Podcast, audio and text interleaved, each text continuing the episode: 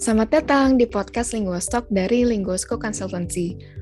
Podcast ini akan membahas seputar isu-isu linguistik atau bahasa yang menarik di sekitar kita. Selain itu, podcast ini juga akan membahas tentang pengalaman hidup dan mengundang berbagai narasumber menarik. Selamat menikmati! Halo Sobat Basantara, kenalin nama gue Rania, dan hari ini gue akan jadi host Linguostalk dan juga untuk podcast ke depannya. Untuk podcast kali ini, topik kita adalah penerjemahan sebagai jembatan dunia yang akan dijelaskan oleh Karida dan Kadira. Pasti udah familiar dong, soalnya podcast kemarin juga mereka yang nge-host. Halo Kadira, halo Karida. Halo. Halo Rania. Oke, jadi seperti yang sudah di, uh, di uh, dijelaskan oleh Rania, topik podcast Lingo Lingostok kali ini adalah penerjemahan sebagai jembatan dunia. Kira-kira itu maksudnya gimana ya? Nah, uh, bagi kalian yang bingung, uh, jangan khawatir, kami akan menjelaskan uh, uh, menjelaskan serinci mungkin uh, maksud dari judul podcast kali ini.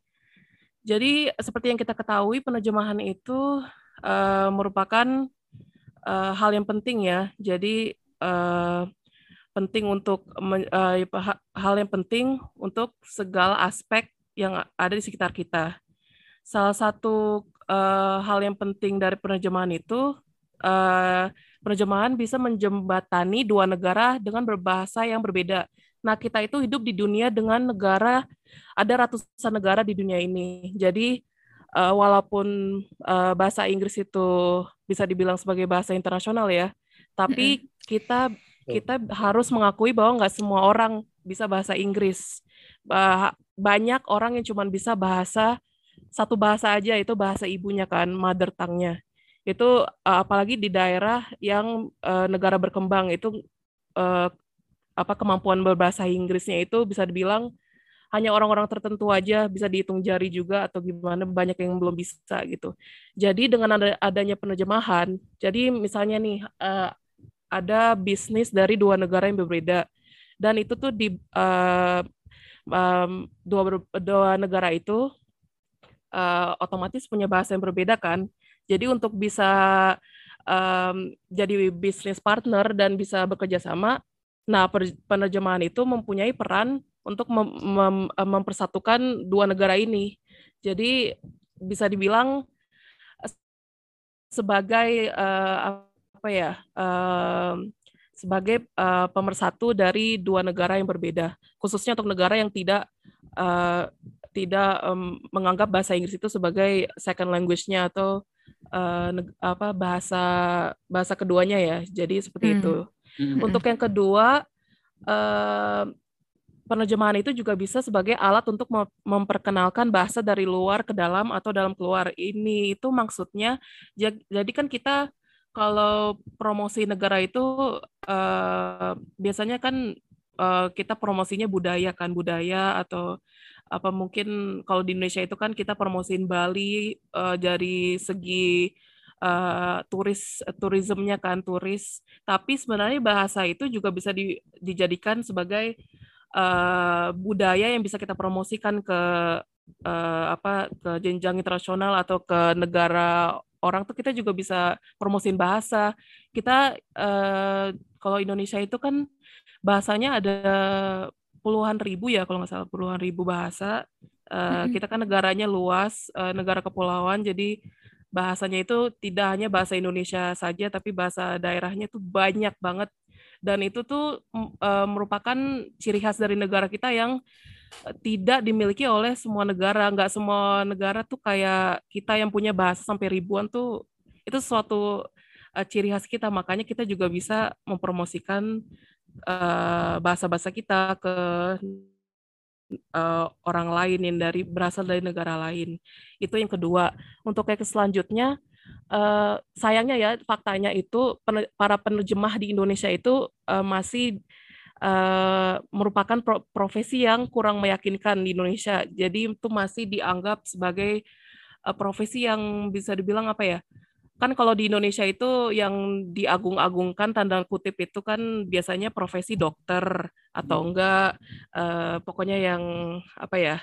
um, pengusaha-pengusaha yang udah besar gitu kan itu di, sangat diagung-agungkan terus dijadikan inspirasi padahal profesi penerjemah itu sangat di uh, apa ya sangat dihargai oleh orang luar misalnya orang luar yang lagi butuh penerjemahan bahasa Indonesia dari bahasa mereka untuk uh, kebutuhan itu mereka pasti sangat uh, membutuhkan para penerjemah uh, Indonesia yang yang uh, bekerja sebagai penerjemah. Tapi sayangnya mungkin uh, apa uh, dunia penerjemahan itu masih kurang kurang apa ya?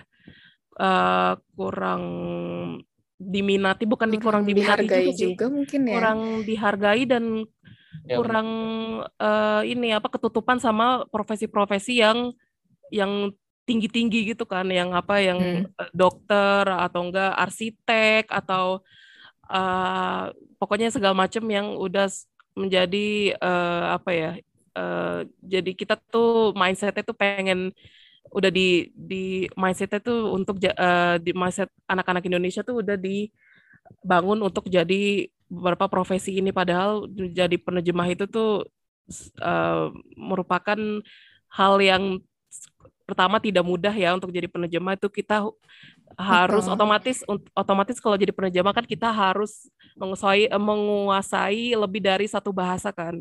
Kan kalau misalnya kita cuma satu bahasa aja gak mungkin jadi penerjemah kan. Itu aja itu uh, merupakan ya belajar bahasa orang kan gak gampang ya. Kita aja belajar bahasa sendiri aja kadang lihat KBBI eh kok kita nggak tahu nih apaan nih? gitu nggak pernah lihat ini kata ini sebelumnya padahal itu bahasa Indonesia gitu. Iya bahasa kita sendiri ya.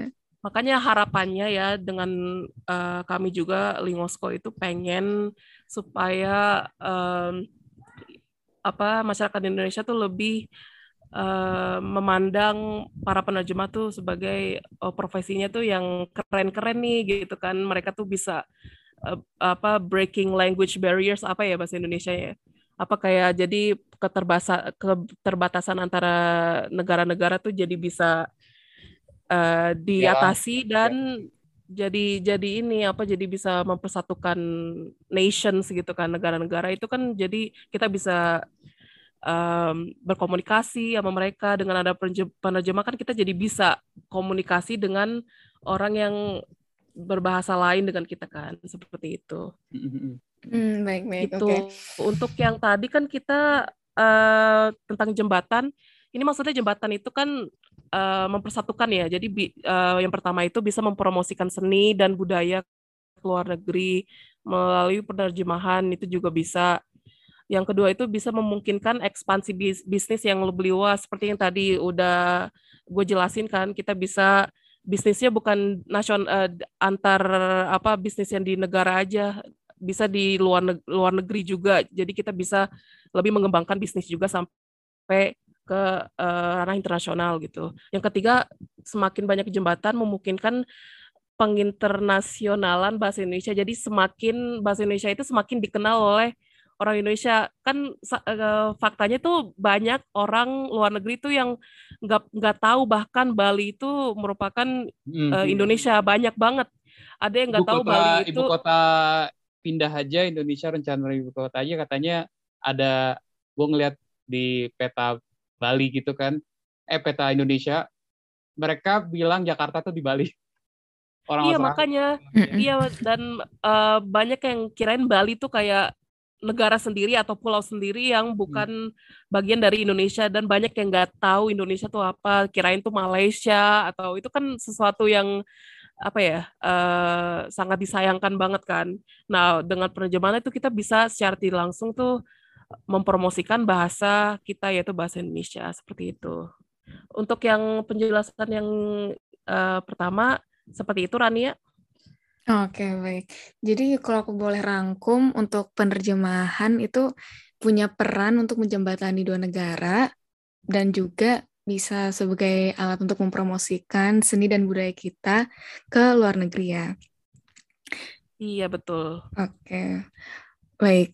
Um, ini sepertinya kita harus uh, break dulu ya soalnya udah mau ke time 10 menit. Jadi um, ditunggu uh, iklan berikut ini dan kami akan balik lagi setelah ini.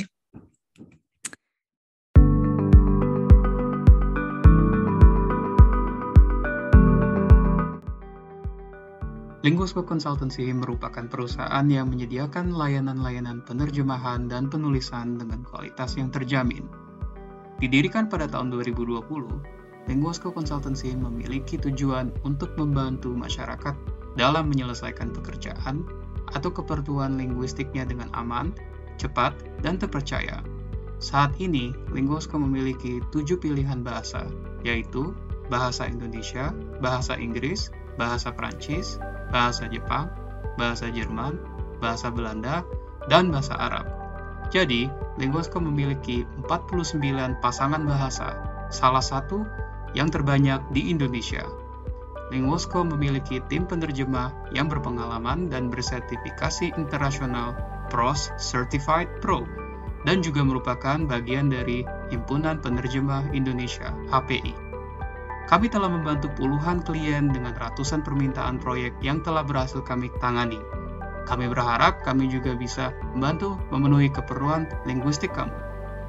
Untuk layanan, kami menyediakan tujuh layanan, yaitu penerjemahan profesional atau non-tersumpah, penerjemahan tersumpah atau sword translation, untuk dokumen resmi, penulisan riwayat hidup atau CV resume, dan surat lamaran cover letter untuk para job seekers, transkripsi audio, video, atau transcribing, takarir atau subtitling, dan penulisan wara atau copywriting yang berguna untuk meningkatkan strategi pemasaran bisnis kamu. Jadi, tunggu apa lagi? Hubungi kami sekarang untuk memenuhi kebutuhan penerjemahan, penulisan, atau linguistik kamu. Oke, okay, welcome back to Linguistalk. Untuk part 2 ini, kami akan membahas tentang Basantara dan juga lingua franca yang akan dibawakan oleh Karida. Nah, mungkin sebelumnya kalian suka bingung kalau di Instagram kita uh, kami suka mention Sobat Basantara. Nah, mungkin kalian ada yang bingung arti Basantara itu sebenarnya apa sih? Nah, untuk itu, Kak Rida akan menjelaskan lebih lanjut tentang Basantara dan lingua franca. Oke, silakan Kak. Ya, oke. Okay. Terima kasih Randia. Ya, halo semuanya. Uh, gue Rida dan gue akan membahas tentang Basantara. Jadi apa sih itu Basantara? Kok uh, tiba-tiba muncul gitu kan dan sering ada di uh, Limosko gitu kan di postingan kita itu karena sebenarnya dia adalah sebuah kata yang cukup menarik dan ada juga di KBBI atau Kamus Besar Bahasa Indonesia. Uh, definisinya itu adalah uh, sebelum menjadi bahasa Indonesia uh, uh, eh, apa bahasa Melayu telah menjadi Basantara di, uh, di Nusantara itu, ini. Basantara itu sebenarnya singkatan dari bahasa perantara. Bahasa perantara gitu ya. Nah, uh, kenapa itu penting? Karena uh, sebenarnya ada historisnya juga di Indonesia kan. Indonesia tuh merupakan negara pulau, pulauan dan dulu juga banyak sekali kerajaan-kerajaan kecil dan lain sebagainya juga uh, dan di bawah naungan Nusantara uh, yang kita ketahui. Nah, bahasa itu digunakan untuk menjadi pemersatu gitu dan bahasa yang bahasa tersebut itu menjadi bahasa perantara itu di bahasa Indonesia dan nanti kita akan bahas tentang lingua franca. Nah untuk bahasa antara itu sendiri bahasa yang digunakan itu uh, di berfungsi untuk mengajarkan uh, kita untuk memahami satu sama lain gitu kan. Dan harapannya adalah itu yang kita sampaikan itu dimengerti sama penerima ya kan. Jadi yang nyampein misalnya gue terus Rania yang nerima pesan itu dimengerti gitu. Jadi bahasa perantara. E, karena dulu juga berbagai budaya dan berbagai e, kultur itu tidak memiliki bahasa penutupan satu nah e, di situlah e, sebenarnya e, bahasa antara ada dan di Indonesia bahasa antaranya bahasa pesan bahasa perantaranya itu uh, antara lain bahasa Indonesia itu. Nah itu untuk uh, bahasa antara. Jadi dia bahasa perantara. Dan itulah juga hmm. yang membuat uh, uh, menarik karena kan kita uh, adalah uh, Linguosko itu uh, itu kan apa penyedia bahasa, pelayanan bahasa kan. Jadi kita memiliki berbagai bahasa dan kita menjadi perantara nih gitu kan. Filosofisnya gitu. Jadi kita jadi kita jadi bahasa antara seperti itu. Oke. Okay. Itu sih. Uh, terus uh, selanjutnya uh, terkait dengan uh, yang kedua itu lingua franca. Lingua franca itu sendiri juga uh, digunakan sebagai uh, upaya untuk menyambung dua penutur bahasa yang bahasanya berbeda untuk memungkinkan komunikasi antara keduanya. Misalnya, uh, orang yang memiliki uh, bahasa ibu bahasa Inggris dan orang yang memiliki bahasa ibu bahasa Indonesia itu bisa saling berkomunikasi. Nah itu gimana gitu kan? Uh, tapi kalau kalau konteks Indonesia-nya mungkin lebih orang bahasa orang yang berbahasa Jawa bisa berhubungan atau berkomunikasi dengan orang yang berbahasa Sunda gitu. Itu gimana caranya gitu? Harus ada sesuatunya kan harus ada yang memersatukannya kan? Nah itu hmm. lingua franca.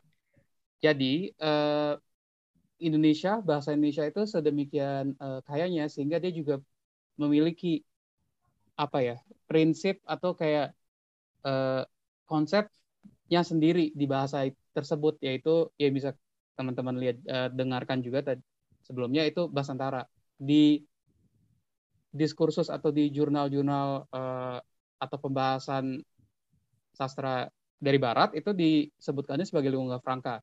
Tapi kalau di Indonesia kita sebenarnya punya nih apa konsep tersendiri yaitu si konsep Basantara itu. Karena sebenarnya keduanya memiliki uh, pemahaman yang kurang lebih sama kan. Jadi bahasa yang uh, jadi lingua, lingua franca itu bahasa pemersatu gitu.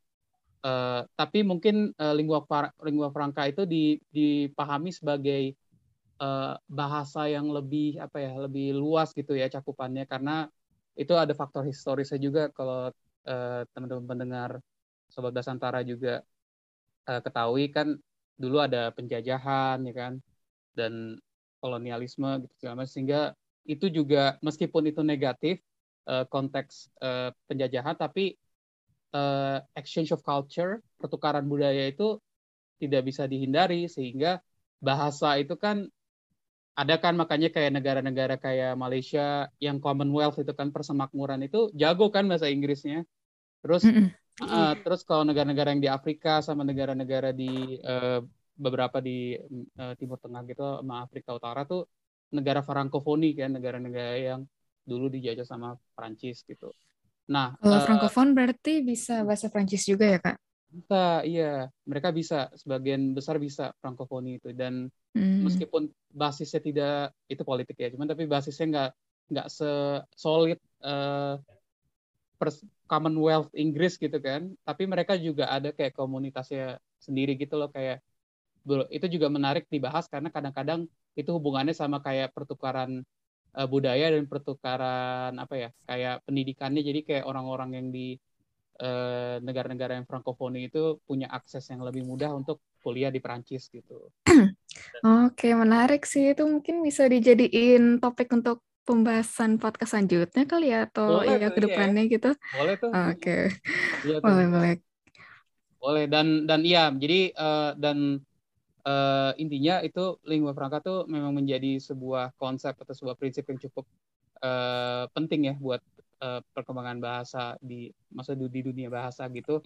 Contoh yang terkenal sebagai lingua franca itu ada ya pastinya Inggris, Prancis tadi yang dijelaskan, tapi ada juga Spanyol, Arab, uh, dan Mandarin gitu. Itu juga apa uh, di di Indonesia dan dan uh, apa namanya dan uh, uh, ASEAN juga uh, apa lingua franca juga bisa membantu uh, memberikan pengajaran dan pembelajaran bahasa dan uh, di situ uh, karena meskipun di ASEAN itu bahasa kalau kalian tahu ASEAN kan uh, organisasi uh, di uh, internasional di Asia Tenggara ASEAN itu hmm.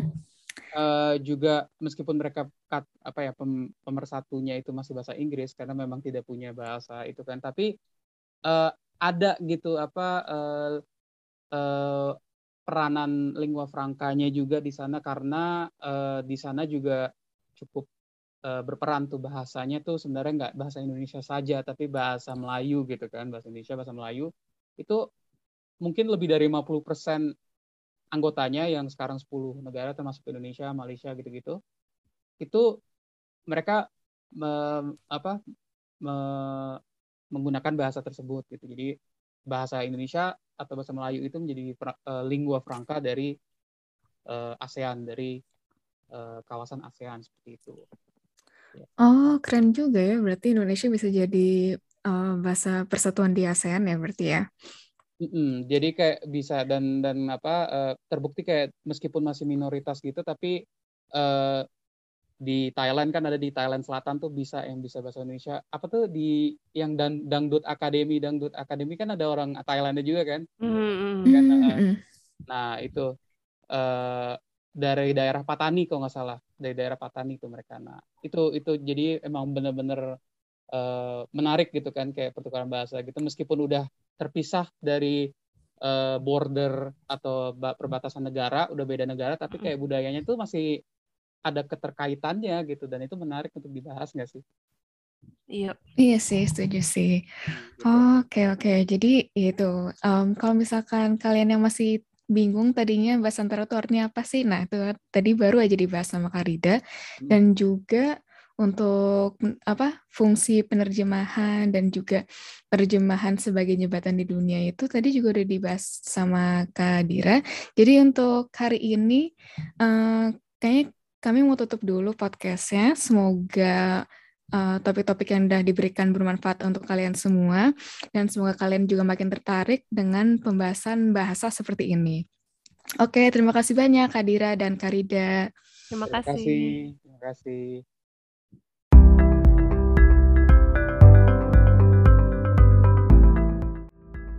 Sekian episode Linguistok kali ini.